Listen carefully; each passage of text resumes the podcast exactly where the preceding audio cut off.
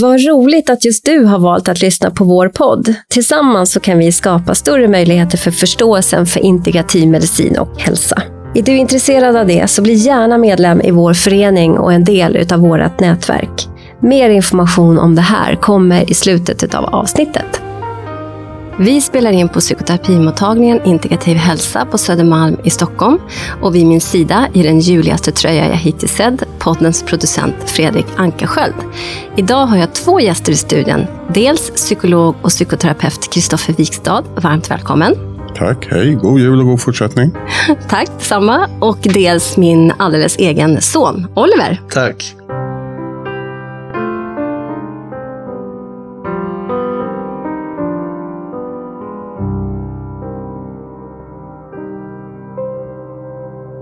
Kristoffer, dig har vi träffat förut i podden. Du var här i avsnitt 14 och pratade om funktionsnedsättning och psykologiskt trauma. Men, och det ska vi inte prata om idag, utan idag så ska vi prata om den psykologiska aspekten på julen. För att för bara några dagar sedan så har vi alla firat jul. För vissa har det här blivit något fantastiskt och för andra kanske en ren katastrof. Och för de allra flesta någonstans på en glidande skala. Så att jag börjar ändå med att bjuda in dig, Kristoffer, som barn och ungdomspsykolog, psykoterapeut. Vad tänker du om julen? Oj, man kan tänka mycket. Men jag tänker en viktig sak att alltid ta fram är förväntningar. Vilken förväntan har man på sin egen jul? Om man är barn, vilken förväntan har man på julklapp? Man har förväntan om någon lycka. Och så ska vi också komma ihåg att det finns en uppbyggnad av förväntan i hela vårt samhälle genom adventskalender, olika böcker, sagor, filmer. Där allt ska kulminera i den här fantastiska dagen julafton. Då alla ska uppleva lycka. Så det finns en förväntan om lycka. Och vem kan leva upp till det? Det går ju inte. Det blir ju som semesterplaner. De är alltid bäst när vi planerar. Det blir aldrig riktigt lika bra som det blir när vi tänker oss hur bra det ska bli. Därför finns det ju alltid ett litet drag av misslyckande över julafton som vi alla måste stå ut med. Mm, sant. Hur var din jul den här julen? Ja, nu är jag ju så gammal. Så nu har jag inte så mycket förväntningar längre. Utan jag är ju glad att jag får träffa mina barn och barnbarn. Så att den blev bra? Den blev jättebra. Ja, men då vänder jag mig till dig Oliver, för att jag har ju bjudit in dig i det här samtalet som jag och Kristoffer ska ha om julen, för att representera 16-åringars perspektiv, alltså en yngre generation än vad jag och Kristoffer representerar utifrån julen och lite så här samhällsaktuell version på julen. Så att, vi kan väl börja med att du får berätta lite hur du upplevde din jul. Eh, jag tyckte den var trevlig, i alla fall på den jul, på julafton, för att även, eh, även nu när det blev en bra julafton och eh, inte så mycket missnöjen utan snarare glädje och bra stunder um, så var det också väldigt, väldigt mycket stress innan med att köpa julklappar och tänka och ja, men så här, stress framförallt vad jag har känt inför andras potentiella missnöje över vad jag ger eller vad jag gör eller både deras missnöje över att de kanske inte fick precis den presenten de ville ha. De kanske inte var nöjd med min reaktion på deras present.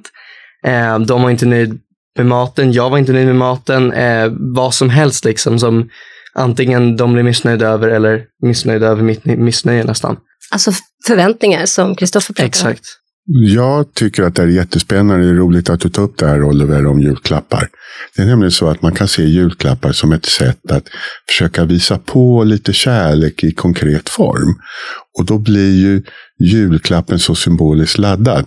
Man tänker sig att man ska gå och tänka ut något speciellt som den andra inte vet om, att den längtar efter eller någonting den har önskat och så ska man köpa just det.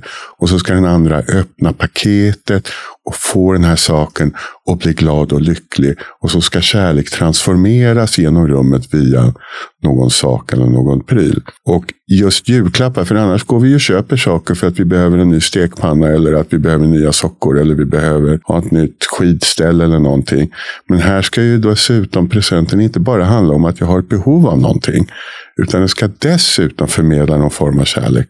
Och då ska också mottagaren liksom då visa sin kärleksfulla uppskattning. Även om den kanske inte får just det den hade velat ha. För annars så blir ju båda parter lite ledsna. Det är ju en ganska komplicerad psykologisk rörelse det här med att ge, ta emot, visa kärlek och uppskattning. Och sen så ska man dessutom då sitta där och vara glad och lycklig. För det förväntas ju från alla bilder vi har sett på alla lyckliga familjer som tindrar i takt med stearinljusen. Och så kanske man har fått presenter som man inte vill ha eller inte så många. Om man dessutom har syskon om man är barn så kan man ju tänka mina, barn ser mina syskon ser lyckligare ut än vad jag själv gör. Och sen sitter man som förälder och oroar sig över har barnen nu blivit så lyckliga som jag hoppats att de skulle bli nu när de har fått de här julklapparna. Jag förundras över att folk lyckas sitta där tillsammans, dela presenter och upprätthålla någon form av glädje. Om vi sen lämnar det här mycket svåra med julklappsdelandet. Så ska vi dessutom sitta och proppa i oss en massa godis och frukt och nötter och kakor. Vilket vi inte heller mår så bra av utan att röra på oss. Så då ska vi sitta där stinna, mätta, fyllda av massa socker, le mot varandra och sen säga nu är vi lyckliga. Det är ganska komplicerat. Jag tycker att det där är så fin början på det här samtalet. För att jag tänker kärlek, kärleksaspekten. Eh, det var någon klok person, hör Kristoffer Wikstad, som pratade om skillnaden på eh, förälskelse och kärlek. Att förälskelsen är en tagande, tagande energi medan kärlek är en givande energi. Och jag tänker när du säger det här med presenter, att det är en, en givande, att det är någonting vi vill liksom transformera. Vi vill transformera vår kärlek till den andra. Vi vill inte glömma bort någon, i alla fall, jag tänker jag börjar ju handla julklappar i augusti. Det har jag gjort sedan ni föddes, typ, och kanske innan också. För att på något sätt hitta det där som människor, eller minna som jag vill ge till och som jag bryr mig om. Då vill jag ge dem någonting som de verkligen vill ha. Jag, jag går inte så mycket på att det ska exakt samma summa och så vidare, utan försöker hitta det här som, jag, som mina barn till exempel vill ha. Och där de förstår att det är genomtänkt. Att det finns en kärlek. Så jag vet inte hur du tänker kring det, om det har synts. För vi har ju faktiskt aldrig pratat om det här, du och jag. Jag tycker det syns. Jag tycker att du väldigt tidigt innan, ja, men både du och min lilla syster då har alltid haft det att ni eh, börjar väldigt tidigt med julklappar och tänker och alltså verkligen tänker till om vad man ska ha och vad de vill ha och frågar och är liksom så här, och försöker snika runt lite med vad det är för någonting och inte riktigt visa. Och, um, ja, och det, det bygger ju upp en stor förväntan även på de som får den här då presenten. Eftersom det handlar inte bara om att jag ska bli nöjd över det, utan det handlar om att då för, om jag säg min lilla syster då, hon ska vara nöjd med min reaktion. Att när jag får den här, att jag är nästan mer orolig över, för, jag, för min bild är att det är ganska enkelt att hitta presenter som åtminstone hon ser glad ut över. Att verkligen även, men så här, att, att när jag öppnar den här presenten och det första som slår mig är fasiken det här var inte det jag ville ha då måste jag ändå visa att det var precis det här jag ville ha. Och det bygger nästan upp en större stress för mm, mig i alla fall än att hitta de här presenterna själv. Liksom. Ja, jag fattar. Så att på ett sätt så har det kanske genererat, du ser vår omtanke och vad vi vill, men det har också då genererat en större stress hos dig. Ja. Ja, ja och Alltså, julen är ju en familjehögtid. Det finns nog ingen högtid som är så starkt förknippad med familjen som just julen. Nu vet jag att Sverige är ett undantag här i resten av Europa. För vi har ju en familjehögtid till och det är midsommarafton. Vilket man inte alls har i resten av Europa. Det är väldigt spännande. Så den kanske vi ska prata om en annan gång. Men julafton är verkligen familjen och det finns ju djupt nedbäddat i vår kultur kring den heliga familjen och traditioner kring att familjen samlas amerikanerna har Thanksgiving som en sån stark familjetradition. Men vi har julafton. Och då ska ju alla samlas och alla ska bli glada. Och alla ska bli lyckliga tillsammans. Och det ställer ju krav. Och jag tycker att det, om jag förstår rätt, att börja fundera på redan i augusti vad jag ska köpa för någonting då till något av mina barn eller till någon annan för att den ska få den här lyckan på den här dagen tillsammans med alla andra familjemedlemmar.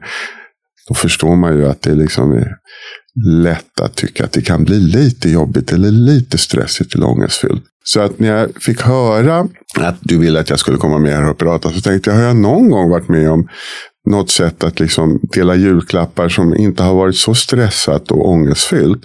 Och det har jag ju ibland. Alltså absolut. Och jag vet ju att mina barn ibland har varit väldigt duktiga på att ordna till det så att det har blivit bra. Men en av de roligaste jag var med om var någon gång när jag var tio år och var i scouten och alla fick köpa en julklapp för ett värde av tre fyra kronor. Vilket gjorde att alla köpte de mest bisarra saker och så delade man hej hopp. För att alla blev ju överraskade, för ingen kunde ju räkna ut vad någon annan hittat på för dumt. Och alla tyckte det var roligt och då blev, minskade ju laddningen. Julklappsspelet, kanske därför den har fått så stor uppsving. Ja. Ja. Alltså att man liksom hittar ett sätt att komma ur den här äh, kravet på att, liksom. ja, av att det ska innehålla så mycket.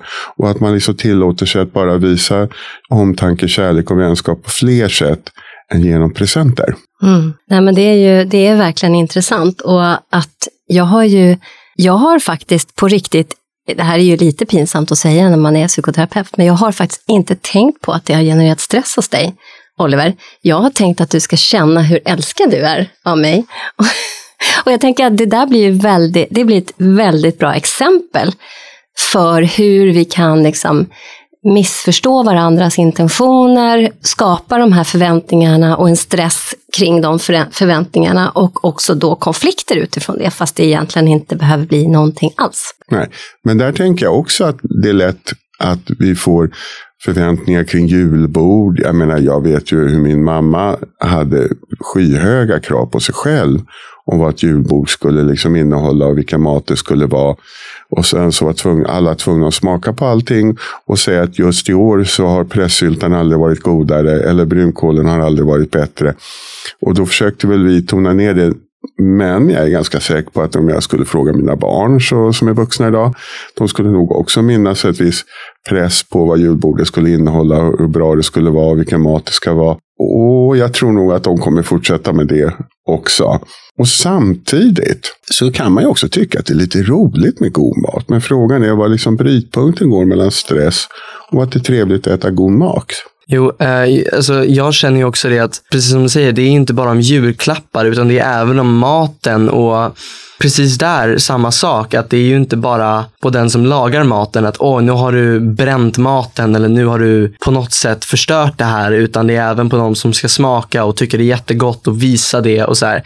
En, en grej som du, som du sa nu, att eh, med den här laddningen, att eh, jag tror att det dels var att det var inte samma förväntningar och inte samma, som du sa nu att när ni på scouterna som hade mixat runt presenter liksom. Att det var inte samma förväntningar och det var inte samma viktiga grej. För sen kan det också vara att okej, men nu har jag önskat mig en grej hela året. Jag har tänkt på det här ett, ett halvår, tre månader, whatever. Och känner nu vill jag ha den här presenten. Och så får man inte den och så måste man spara ihop till den själv eller vänta till nästa år. Vilket också gör ännu mer spänning. Och sen så dessutom en stor grej som jag tror är en av de absolut största är som du sa konflikter. För att konflikter som, alltså med scouten, jag tror inte det hade varit samma grej med dina scoutkompisar. Att om du hade varit missnöjd över deras presenter eller vad de nu hade lagat mat eller whatever. Liksom, alltså, så här, jag tror inte det hade skapat samma mm, press mellan er. Liksom. För att om du visar din mamma att Åh, du har sabbat julbordet, du har sabbat presenterna och du har förstört för mig, min lycka nu på julafton, och det kan ju sitta kvar i kroppen och mellan de två som en spänning i liksom, alltså det kan vara länge som helst. Det kan vara mellan en vecka men också ett år. Alltså, man vet ju inte liksom. Ja, jag, jag håller helt med. Men jag tänker också att det finns en dubbelhet i det här med förväntan på mat och kakor och godis. Därför att samtidigt så vet jag att som barn, om det nu inte hade funnits just de småkakorna, det pepparkakshuset, eller om man inte hade hängt upp den julstjärnan exakt på samma ställe år efter år, eller inte ställt ut den där tomten på exakt Eller samma om inte ställe. tomten kommer. Ja, så hade jag ju blivit besviken. Därför traditionen och återupprepningen är så viktig för att bidra till någon känsla av att det har gått ett år, saker återupprepar sig. Och det i sig ger en form av trygghet som är en form av lycka. Själva återupprepningen. Ja, framförallt en stabilitet tror jag också. Ja, så att vi liksom kläms emellan att återupprepa en tradition som blir en väldigt stark krav och att röra oss fritt i den utan att känna press. Och den är inte så lätt. Det är en balansgång vi måste gå. Verkligen. Alltså jag har en gammal kollega och vän som skulle säga att vårt behov av ritualer visar sig väldigt tydligt på högtider. Därför ritualer skapar en känsla av trygghet, kontroll och någonting högre som vi här pratar om, en jullycka. Just det. För ritualer har vi hållit på i alla tider. Det kan vi när vi ser utgrä arkeologiska utgrävningar och sånt. Vi har hållit på med ritualer alltid för att befästa olika faser i livet eller årstider eller vad vi nu har liksom haft ritualer om. Så det finns ju någonting väldigt psykologiskt viktigt. Ja, och då är vi tillbaks med presenter. Alltså att det här med att ge julklappar är kanske en ritual för att liksom manifestera att vi hör samman, att vi tänker på varandra, att vi är empatiska, att vi förstår varandras behov och lycka. Och att det manifesteras i presenterna. Och då förstår vi helt plötsligt att då blir ju de här presenterna väldigt viktiga. Och frågan är hur vi då kan lösa det utan att det blir så jobbigt eller komplicerat. Alltså hur går man och köper något av bara glädje och att den andra säger åh vad roligt. Det här var en överraskning. Mm, nej, men, jag, och, men jag tänker också det här med presenter och jag tänker själva traditionerna och att bli sedd som barn, att bli sedd. För det är ju i den andres ögon vi blir till. Och om någon har sett mig, om någon ger mig det där som jag har djupast innerst inne önskat. Jag kommer ihåg att jag önskade mig en kanin till exempel när jag var sju år gammal. Och jag stod och önskade till stjärnan, jag såg ett stjärnfall och så önskade jag mig det. Och jag tänkte ju att jag inte har sagt det till någon, har jag naturligtvis gjort. Sen fick jag den där kaninen just på julafton. Det kommer jag aldrig glömma, för det var ju som att verkligen bli sedd. Och det är ju på något sätt det där att bli sedd, att någon ger. Jag vet att just du vill ha de här köttbullarna som farmor till exempel, din farmor gör. Hon gör ju alltid era köttbullar Ja. för att ni älskar de köttbullarna. Att det finns en kärlek i det. Och baka den där sockerkakan, även om vi kanske inte ville att ni skulle äta så mycket socker när ni var små, så fick ni göra det då, därför att det var kärlek i den här sockerkakan. Hon har försökt hitta ett glutenfritt recept och provbakat många gånger för att hennes barnbarn ska få uppleva det här goda som hon har med sig sedan hon var liten. Ja, fast nu tänker jag här att nu hamnar vi i väldigt goda jular med god mat och mycket presenter och mycket kärlek. Och sen så är ju erfarenheten att väldigt många människor har ju jular som inte alls är goda eller inte alls har några bra erfarenheter. De packar ihop och åker utomlands på semester och liksom försöker liksom undvika allt som har med jul att göra. Därför att deras egna erfarenheter från sin barndomsjul är väldigt negativ. Mm. Till exempel att det är nog mycket vanligt med eh, fylla. Folk är fulla helt enkelt. Liksom mamma eller pappa eller någon annan. Liksom.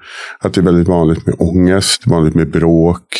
Eh, just därför att man står inte ut med att lyckan inte infinner sig. Den negativa förväntan, sorg kommer upp till ytan därför att man liksom saknar någonting djupt i en familjelycka. Kanske från sin egen barndom, av erfarenheter och därför undviker det. Och då blir ju frågan, vad ska man göra då? Ska man försöka återskapa eller konstruera? Eller ska man faktiskt bara säga, nej, vi åker till Kanarieöarna och har det bra istället? Mina föräldrar, din mormor och morfar, de skilde sig när, eh, när jag var ungefär tio år. Det hände ju liksom, det var ju inte precis då, men det var lite före lite efter och under och så vidare. och så vidare. Som det ofta är, det pågår. Och jag kan komma ihåg att det, det här med, på något sätt så slutade det med, och särskilt när jag var äldre, för att mina föräldrar hade, det genererade en jättekonflikt som gjorde att vi hade praktiken, jag bodde med min pappa och mina två småsystrar Anna och Karin bodde med vår mamma. Så vi hade liksom inte kontakt för att deras, deras konflikt var så allvarlig och så stor och det, det gick inte att de kunde mötas helt enkelt. Och det där liksom blev ju, eftersom de aldrig löste det och idag är ju min pappa, din morfar, död så har det där aldrig löst sig. Det har blivit som en, en egen entitet. Så när jag fick er, eh, dig och Ludvig och Nicolina, så bestämde jag mig för att jag kommer göra vad jag kan med den här erfarenheten av att jag vill inte att mina barn ska behöva ha jobbiga julaftnar. Sen så har jag ju utsatt dig för världens stress i alla fall. Men, men liksom jag har försökt göra någonting bra, för jag tänker att vi, vi möter ju du och jag, Kristoffer, många som inte tycker om julen som, precis det du sa, som undflyr julen och så vidare. Och jag kan verkligen sympatisera med de människorna. Att det var inte så kul när jag senare, då efter 18, hade egen bil och alltid satt mitt i Kalle rusningen bland alla andra som skulle åka mellan liksom mamma och pappa. Och att det är liksom barnen som får ta priset för att föräldrarna vill skiljas. Nu är jag själv i skilsmässa och vi, jag tror att både jag och din pappa gör vårt absolut bästa för att det, det här inte ska upprepas för er, utan att vi försöker hjälpas åt. Så att det, men, men det där är ju ett förändringsarbete. Verkligen, för, för man kan ju ta väldigt mycket rygg på och, och spela upp när någonting inte är bearbetat. Vad tänker du om det? Ja, absolut. Jag tänkte bara på ett minne där min fru och jag satt på ett tåg på julafton, tittade på varandra och sa vad gör vi? Varför håller vi på så här? Åker mellan alla människor. Och sa att nu är det vi som tar tag i vår egen jul och styr upp den och gör det till någonting bra. Och jag tror att det, är det viktigaste är att den man ska fira jul med, alltså ens partner eller barn, att man sätter sig ner och pratar om det. Men hur vill vi ha det? Vad är det egentligen vi uppskattar? Vad tycker vi om och vad vill vi göra?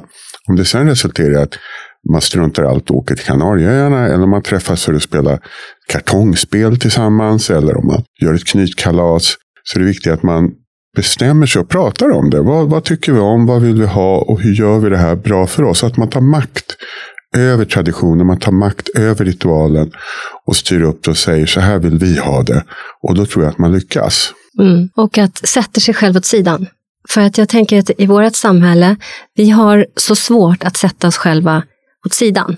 Vi, vi ska självförverkliga oss och vi ska ha egen tid och vi ska göra karriär och vi ska göra, så ska vi ha barn mitt uppe i alltihopa och så, så är det den där stressen och så vill vi ju naturligtvis göra det där absolut bästa och så utgår vi från våra egna förutfattade meningar och kollar inte av och stämmer inte av och så, så blir det fel och så blir man besviken och jag som har gjort precis allt för att du ska tycka att det här är fantastiskt och så vidare och så vidare. Men då blir julen ett självförverkligande i familjelycka som vi ska avstå ifrån och istället titta på varandra och säga hur trivs vi ihop och vad blir roligt? Precis. Och kanske ha den där tanken om julen tänka att ja, det där vore ju härligt, fast det viktigaste är, och det här kan ju låta som en klyscha, för det är många som säger det, men faktiskt bara vara där, på riktigt där med varandra. Ja, jo jag förstår. Men hur gör man då om man har en partner som dricker? Ja, okej, okay. om det är första gången man ska fira jul tillsammans, då kanske det liksom struck en på något sätt. Att man märker det här, att det här är ett problem, man inte har märkt det sedan tidigare. För det tåls ju också att problematisera varför den här personen dricker. Men det behöver man ta i andra sammanhang. Men om man gör det, nej jag tror att helt enkelt att om det är någon som inte håller ramen och som skapar någonting, då, då helt enkelt så får den personen åka därifrån, eller så åker man därifrån. Ja, man åker därifrån och säger, vill du vara full så får du sitta här själv, nu åker vi och gör det här. Mm. Ja, det är en enkel och praktisk lösning. Men varför gör vi inte det så ofta då? Nej, jag tänker att på julafton så vill vi inte kränka varandra, vi vill inte ta konflikter. Och jag tror att det är så här att finns det konflikter, då kommer de. Så att då kan man liksom lika gärna ta dem på en gång istället för att försöka undvika, för de finns där i så fall. Och alla märker dem. Ja, så då är ju nästa fråga, är julafton och juldagen en bra tillfälle för att lösa konflikter? Alltså både ja och nej. Det beror helt på konstitutionen, egentligen det kanske aldrig skulle kunna bli så bra som när alla är samlade. Jag tänker ibland på våra liksom, Möten när alla är där, att man helt plötsligt pratar om, jag tror att det är mycket det här, vi, varför pratar vi aldrig om den rosa elefanten? Ja, fast jag tänker så här att om vi nu har en liten illusion om att på julafton ska alla vara lyckliga och glada och sitta där och eh, vara snälla och fina och så vidare. Så kanske man ska säga, nej inte idag ska vi inte ta. Undantag om någon dricker sig full såklart. Men idag ska vi inte ta konflikterna. Idag får vi faktiskt öva på att vara sams. Även om vi är osams om någonting. Och säga att nej, det där får vi ta den 28 eller den 29.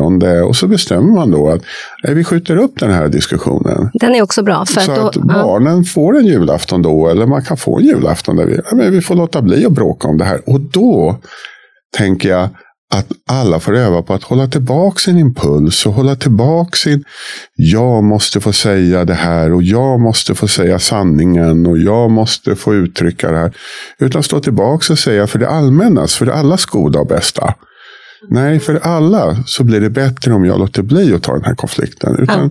Då får jag vara tyst och äta en pepparkaka till. Mm. Och det krävs ju en del härbärgering, för precis som du säger så kan det vara någon som kanske inte dricker, men som börjar sprida en massa tråkiga kommentarer. Och som smittar ner alla andra där med sitt dåliga humör. Eller just att man är taskig mot någon och ingen vågar säga ifrån och ingen liksom gör någonting åt det. Så det, det är ju olika beteenden som skapar dålig stämning, där någon inte tar ansvar för sig, utan lägger ut sitt eget illamående i systemet kanske har det som ett mönster för att hen har upplevt det sen sin barndom till exempel, eller senare i livet av olika skäl. Och det, det är ju väldigt mycket som du sa Kristoffer, att det, det är ju jaget, att, att det är jag som spelar mest roll i rummet. Som gör då att man eh, ska prata om det här och ta upp de här diskussionerna att det liksom är okej okay, men jag mår inte jättebra precis just nu eller jag är arg på den här personen precis just nu och vad det nu är. Och, och, det, och det är ju bara därför. Jag tycker det är väldigt egoistiskt av personer som faktiskt tar upp och förstör för alla andra. Även visst, man kanske inte får allting exakt perfekt som man har planerat. Men om man medvetet gör ett val att okej, okay, men det är viktigare att jag får säga och göra och få det precis som jag vill än att alla andra får som vi har planerat och bestämt. Hur pratar man i din, i, i din generation? Alltså hur pratar ni med varandra om julen? Vad har ni för liksom 16 år på väg ut i liksom vuxenlivet, fortfarande med en fot hemma kanske, eller två? Alltså hur, hur, hur går snacket mellan er? Alltså snacket om julen. Alltså julen alltså, generellt. Ja, alltså, många uttrycker att man, de tycker väldigt mycket om julen. Eller tycker väldigt mycket om, jag skulle säga det att, att framförallt så har man väldigt, istället för att ha någonting mittemellan-känslor, att man har väldigt mycket åt ena eller andra hållet. Att man antingen, fy fan vad den här julen kommer bli riktigt dålig och jag vill inte ens vara med liksom. För att man kanske har haft dåliga, eller förmodligen haft dåliga jular, man kanske har en förälder som dricker, man uh, har sina syskon som man känner att oh, de skapar problem varje år och så här. Uh, eller känner precis tvärtom att oh, men julen är den mest fantastiska dagen på hela året. Liksom. Uh, skulle jag säga mer än att, ja, men som du sa Kristoffer, att om du får vara med dina barn och liksom ha det bra. Kanske inte bäst, kanske inte sämst, men bra. Utan jag tror det är snarare, ja, om man ska säga min generation, mer pratar om att det ska vara superbra eller superdåligt nästan. Mer. Mm, jag fattar. Får jag ta frågan vidare lite nu? Därför jag tänkte att till julen hör ju också nyår och nyårsafton. Varför jag inte tänker så mycket på nyårsafton är för att jag har vuxit upp med föräldrar som har tyckt nyårsafton var helt ointressant. Det var bara någon numerisk ändring i almanackan utan betydelse. Och jag vet ju att för många andra så är nyårsafton jätteviktigt. Så jag tänkte bolla tillbaka frågan till er. För jag har liksom inte så mycket laddning själv kring nyårsafton. Mer än att ja, den får man vara med och arrangera och ordna och skåla med andra för då blir andra glada. Men vad är eran förhållning sett till nyårsafton eller tankar? Jag skulle vilja säga att nyårsafton är liksom en ny, många pratar ju om ny start liksom. Att visst, det är egentligen bara en numerisk, förutom då att det är som ritualer och vad man nu har bestämt, liksom traditioner eh, runt det, så är det ju egentligen bara en, att det, det är en, det är en ny, ny datum eller nytt ja, man har bestämt att det är då året slutar. Liksom. Men, men som sagt, för många så är det ju en, en, att man vill förändras. Jag tror att man tänker mycket så här, under året, vad är det som kan ha varit, vad kunde jag gjort bättre, vad kan bli bättre? Apropå då nyårslöften som är väldigt vanligt att, och som vad jag har fått lära mig att många inte håller upp till. Liksom. Att, att de känner så här, okej okay, men nästa år så vill jag göra lite mer det här och lite mindre det och lite, jag vill vara en bättre människa eller vara lite gladare eller liksom vad det nu är. Så jag tror att många ser det som en ny start. Kanske inte en ny start på livet men som en liksom så här, turn the page eller liksom nytt chapter. Liksom. Men för dig är nyårsafton en viktig högtid Oliver? Jag tycker det. För jag, för jag brukar framför allt få tänka på vad jag kan göra. Jag, men, jag, jag brukar liksom grubbla över vad, vad jag kan göra bättre och bli en bättre människa till nästa år. Sen har vi en tradition i vår familj, för att jag fyller ju år på nyårsdagen. Och eh, nu är jag 49 och fyller 5.0 kommande nyår. Och eh, det har varit många nyårsaftnar eh, som jag har prövat att ha fest på. Det är ju någonting med nyår, det är ganska, ganska traditionsbundet. Man har liksom bestämt sig ganska tidigt vilka man firar nyår med och så vidare. Och så vidare. Nu har jag haft många vänner och släkt och familj som har kommit i alla fall. Men sen gjorde jag liksom en, ett beslut att jag tänkte så här, men alltså nyårsdagen, det är ju liksom, jag skulle vilja starta en ritual. Så jag gjorde det och sen har den pågått under hela ert liv. Där klockan 15 på nyårsdagen så har jag en gryta eller en soppa eller ostar som är så levande att de nästan kryper av bordet själva. Och ja, men alla livets gottigheter där man kan sitta och äta, man kan sitta och umgås, man kan sitta och prata. Och, det, och så har jag bjudit in alla jag känner. Och det brukar alltid bli sådär äh, 20-30 personer som kommer. Olika konstellationer. Vissa kommer alltid, andra kommer bara ibland och då och då så är det några nya som kommer. Men det har blivit, tycker jag i alla fall, jag ska fråga dig Oliver, men jag tycker att det där har blivit så himla speciellt. För det har liksom blivit teman och alltid så här äh, perfekt kombination av människor som kan göra någonting. Som har blivit en väldigt fin start på det nya året. Vad tycker mm. du? Du har ju varit med. Eh, jag tycker att det har blivit en bra liksom, tillställning eh, när, det, när du har gjort det. Och sen så, ja, men en grej som jag tycker är bra med nyår överlag, som också blivit då på nyårsdagen när du fyller år, är att det, det är inte riktigt samma, även om det är tradition och det ska vara lite, lite samma liksom, som alla andra år eh, som gått, så, så är det ändå inte samma måste som på julen. Alltså det är inte samma att det måste man måste ge precis det här, man måste ge någonting alls eller man måste, man måste laga precis den här maten och man måste mycket mer så här, som du säger, så här, man, mer frivilligt skulle jag säga. Man, man får äta lite vad man vill, man får ge presenter om man vill, man kan skippa det, man, man får bjuda in lite man vill. Ah, hela tjocka släkten behöver inte komma dit, utan man kan bjuda in någon man känner för. Liksom. Medan snarare på julen så är det liksom många är så här, om inte du bjudit in släktingar, även fast du tjafsar med dina släktingar så är det liksom en kränkning nästan. Men på, på nyår så känner jag så här att nej, men, är du inte inbjuden så är du inte inbjuden. Liksom. Lite mer på volley liksom. Mm. lite mer så. Ja. Så nyårsafton är öppnare och friare än julen. Julen ja. är mer bunden till familj och släkt. Nyårsafton är mer öppet till vänner. Ja, skulle jag säga. Gör det också att det inte blir lika traditionsbundet då? Därför att återupprepningen blir svårare att göra. Ja.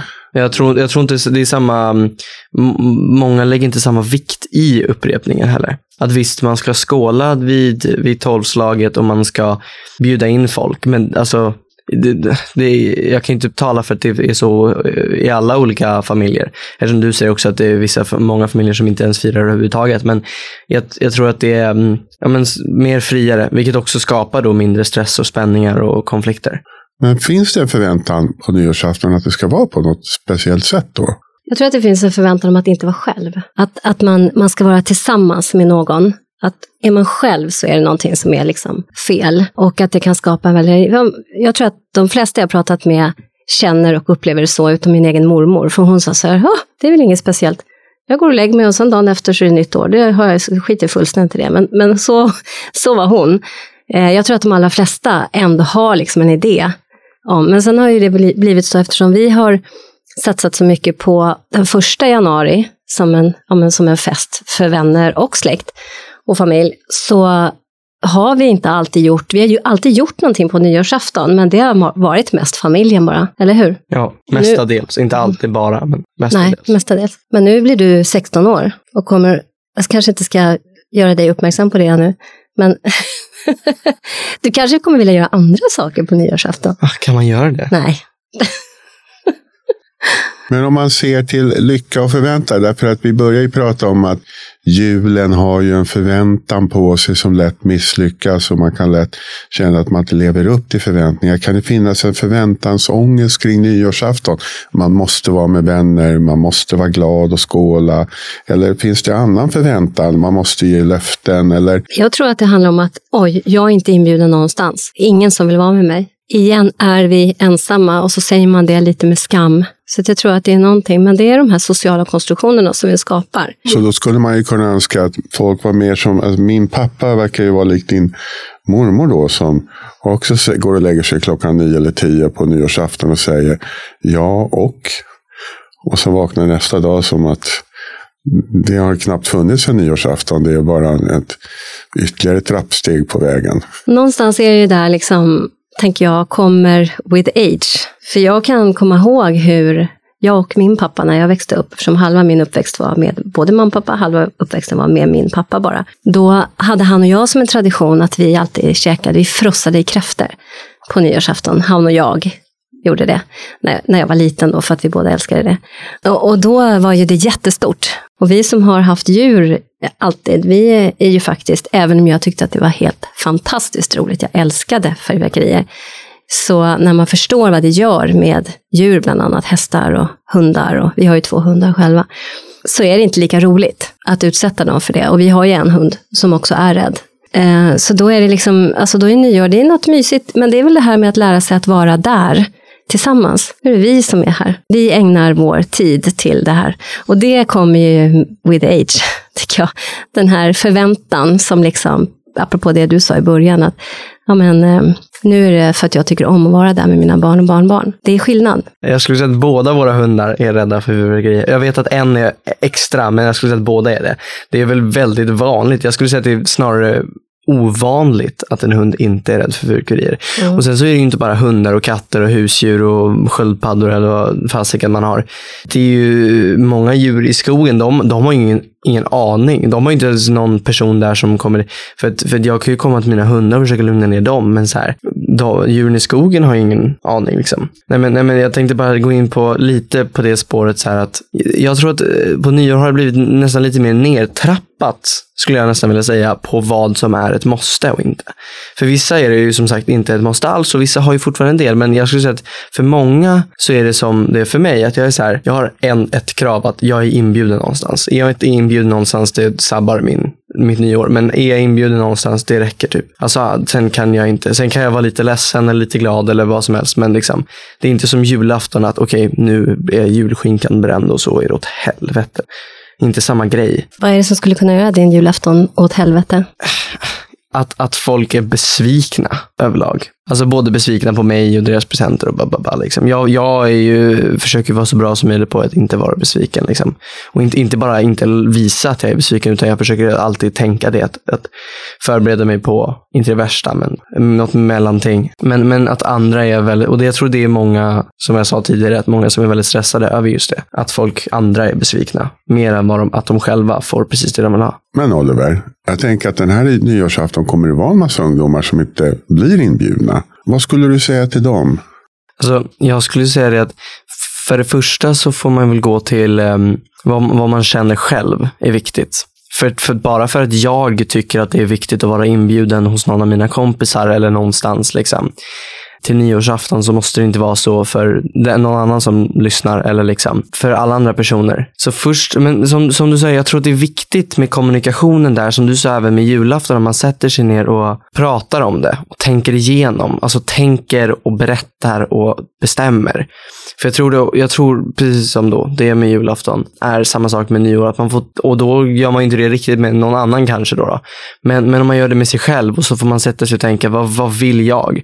Och då kanske man kommer fram till att nej, det spelar ju ingen roll för mig. Eller, ja men det är jätteviktigt att jag blir inbjuden någonstans. Eller, jag vill göra en egen fest, kommer man på. Alltså, det, man kan komma på vad som helst, men jag tror att det är viktigt att veta innan. För att jag tror att oavsett om du tänkt igenom det eller inte, så när det väl kommer att oj, nu blev jag inte inbjuden någonstans. Det hade jag önskat. Oavsett om du har tänkt igenom det eller inte med dig själv så tror jag att det, det träffar lika hårt. Jag kan tänka så här för min egen del att jag, jag vill väldigt gärna att alla alltid är inbjudna. Men det har till min egen historia att göra också, att jag har också varit den som är utanför. Men jag, så att jag tänker så här, de här stora julaftnarna, om det är någon som inte har någonstans att vara, men kom, vi kan vara tillsammans. Eller, alltså det är inget, det, för det är ju också så väldigt familjetraditionsbundet. Nej, men vi, vi firar och ingen annan är välkommen. Det, det är ju, jag tänker att det är ganska vanligt. Men eh, på något sätt så här, varför firar vi julen? Jag har ju släppt med er på olika gudstjänster och så vidare och så vidare och vi är inte särskilt kristna. Men vi, vi liksom har en kristen kunskap och eh, en, en trosuppfattning någonstans som gör att jag vill att de ska förstå någonting bortom det här med presenter och så. Där kommer vi till kärleksbudskapet egentligen, det här med givande. Och den är inkluderande. Att i kyrkan så får alla komma, vem man än är, hur man än är klädd, vad man än har för social status, hur man än ser ut och även om man luktar illa så är man välkommen. Att det är på något sätt julens budskap. Och sen om vi har råd att ge varandra presenter och vi har det så här, ja men det är egentligen bara en bonus. Och på något sätt är det det som är givandet. Apropå det vi pratade i början om kärlek, kärleksenergin är givande i sin natur. Och det, jag vet inte hur mycket det har framgått, men jag har försökt predika det, Oliver. Jo, för det, för det är ju ofta i ehm, om man säger i dagens samhälle att det är ofta genom presenter som man, att, att äh, saken kanske inte egentligen är så viktig för många. För mig är det så här att, att, att jag, jag tycker det är viktigare att den personen som jag får den här presenten av har tänkt igenom det än att vad jag faktiskt får.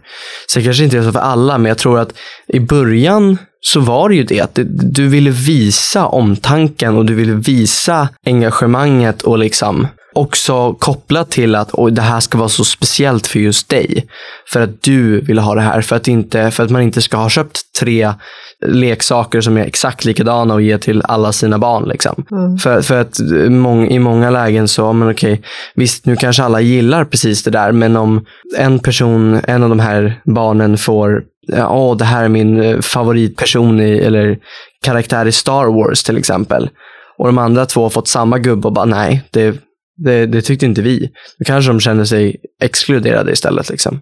Jag tänker, du har ju vuxit upp under den tiden som jag och vi var utanför i vårt eh, familje och släktsystem.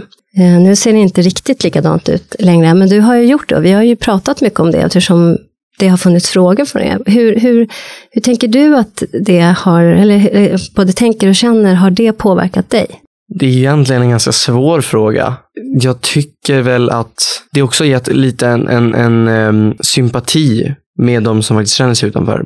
För jag tror att nästan de som har varit mest utsatta, eller det låter väl ganska självklart egentligen, att de många som har varit utsatta har sedan sympati för de som är utsatta i alla fall på samma sätt.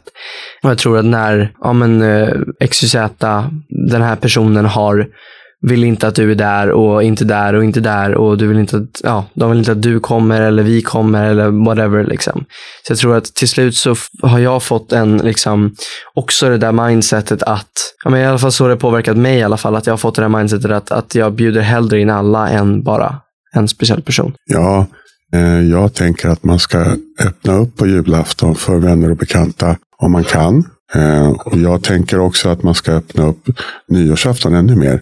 Alltså att man bjuder in om man vet någon som man inte är säker på om den har någonstans att gå till eller vara. Så tycker jag att det är enkelt att bara ringa och fråga, vill du vara med oss? Det är svårt att bjuda in sig själv, men man kan bjuda in andra och det är väldigt lätt. Sen så, utan att veta någonting, så undrar jag, det vore jättespännande att få veta på något sätt, är det så att människor firar nyårsafton över nätet? Alltså communities. Jag vet ju att det finns många olika tv-kanaler i alla fall. Som har, alltså de har ju nedräkningar när det jag har sett så här, jag, jag, kan inte säga precis vad det är för jag har inte varit med och kollat på dem. Men jag, så här, jag kommer ihåg någon gång när det var, gud, vad var det för någon dag? Nej men de, de, de stod, det var från någon tv-kanal som sände och som som stod där och det var tre programledare på scenen som stod på en tavla då. Jag kommer bara ihåg att det gick i bakgrunden när vi skålade. Så var det så här, tio, nio, åtta och det var en hel publik som var hur många. Och då var ju folk där och då visste ju både över nätet och inte då. För de som var där var ju på plats.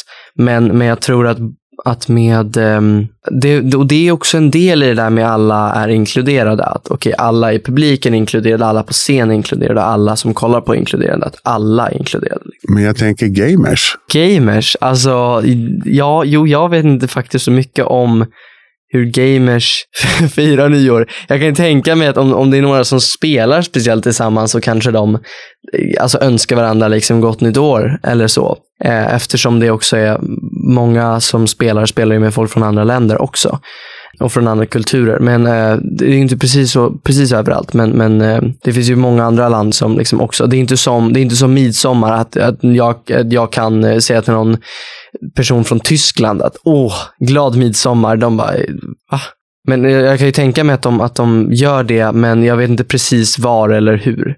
Oliver, det du pratar om är nyår på Skansen. Älsklingen. Ja, men Det, den har pågått ganska ifrån. länge. Ja, men, tror jag sitter och kollar vid Tror jag sitter och kollar på tv när, jag, när det är nyårsnedräkning? Alltså, Nej. nej, det, alltså, det kan man ju göra, det är inget fel med det. Men om jag står med, ja, du har ju släpat ut mig i så fall om jag gjort det. Så att jag, jag kan inte svära på var det var någonstans. Eller så var det jag som satte på tvn och att vi liksom höll på med annat. Men absolut, Ja, så det kan är det bra. också Vi är tillsammans i alla fall. med, med, ja, ofrivilligt. Nej, men jag tänker fortfarande att det, om man ser till hur barn och ungdomar har det och att det finns barn och ungdomar som har svårt att hitta vänner ibland på skolan och att man liksom är hemmasittare. man kanske inte har ett kamratgäng och man blir inte inbjuden på nyårsafton. Alltså hur ska man då hitta vänner och kan man fira nyår då med sina liksom, spelpolare liksom, över nätet, alltså med sina gamers. Måste man liksom vara ute och skåla eller kan man liksom ha lika bra nyårsafton över nätet med vänner? Det, det tror jag absolut. Men, eh, och det är också, också kommunikation. Jag tror inte det är en jättebra idé att komma från ingenstans med det eftersom du inte vet precis kanske. Men om du sätter dig ner och pratar och bara säger, ja men jag har ingen planerad att fira eh, nyår med och jag skulle vilja göra det med dig och dig och dig och dig. Eller bara en person. Och de, kanske inte allihopa, men en eller två eller tre. Alltså, om det är någon som vill, känner det att nej men jag har inte heller någon, jag har inte bestämt att fira med någon, jag gör det gärna över nätet så tror jag att det är en bra idé att göra. Men jag tror också det som, som alltså med ja, nyår överlag, eh, att man får prata om det. Liksom.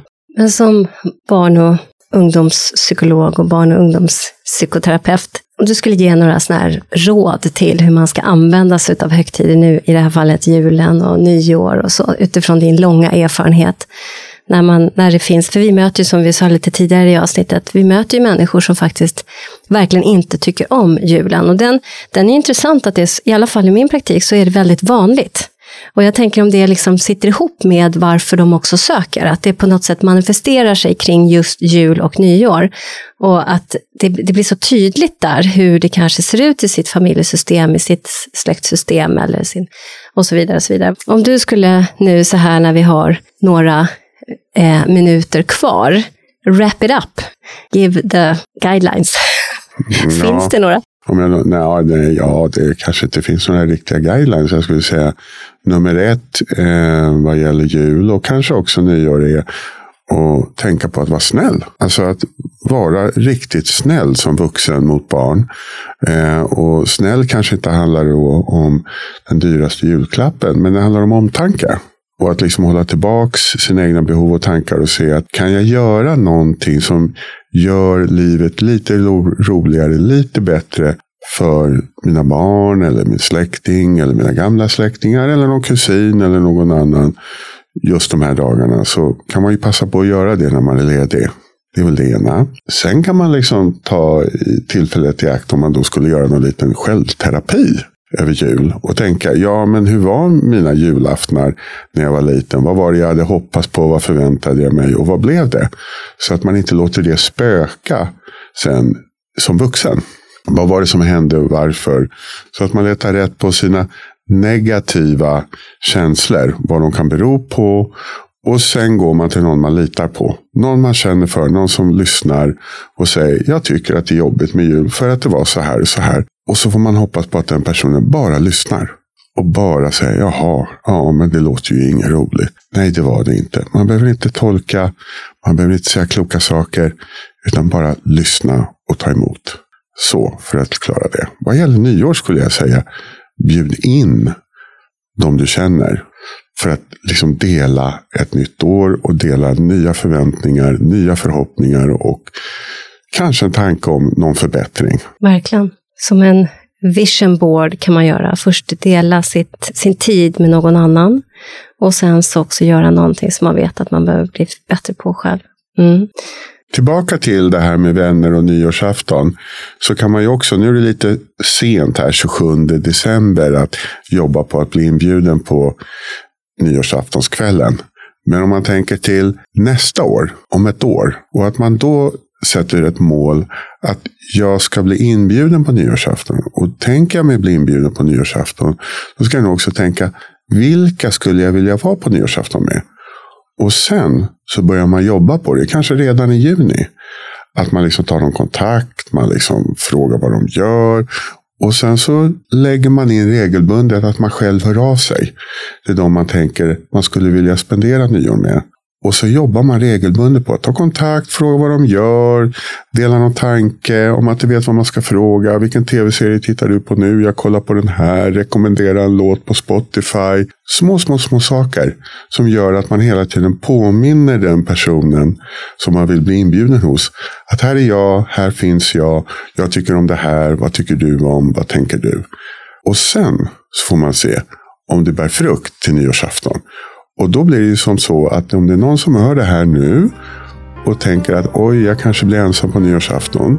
Så starta en kampanj på att bli inbjuden till nästa nyårsafton om ett år. Mm, klokt. Och jag tänker lika väl också om man sitter på den där julafton och på nyårsafton och känner att år ut och år in så har jag verkligen lidit. Hur vill jag inte ha det nästa?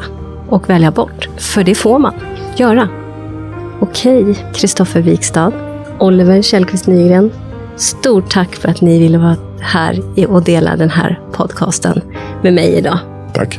Tack. Gott nytt år. Ja, gott nytt år! Ja, gott nytt år.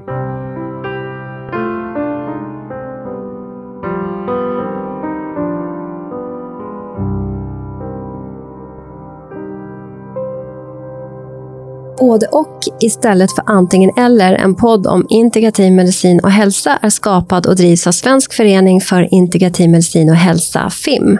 FIM är ursprungligen yrkesförening för legitimerad vårdpersonal. Vi representerar sjuksköterskor, dietister, fysioterapeuter, läkare, psykoterapeuter, psykologer, tandläkare för att nämna några. Idag omfattas våra medlemmar även av associerade medlemmar som inte behöver vara legitimerade.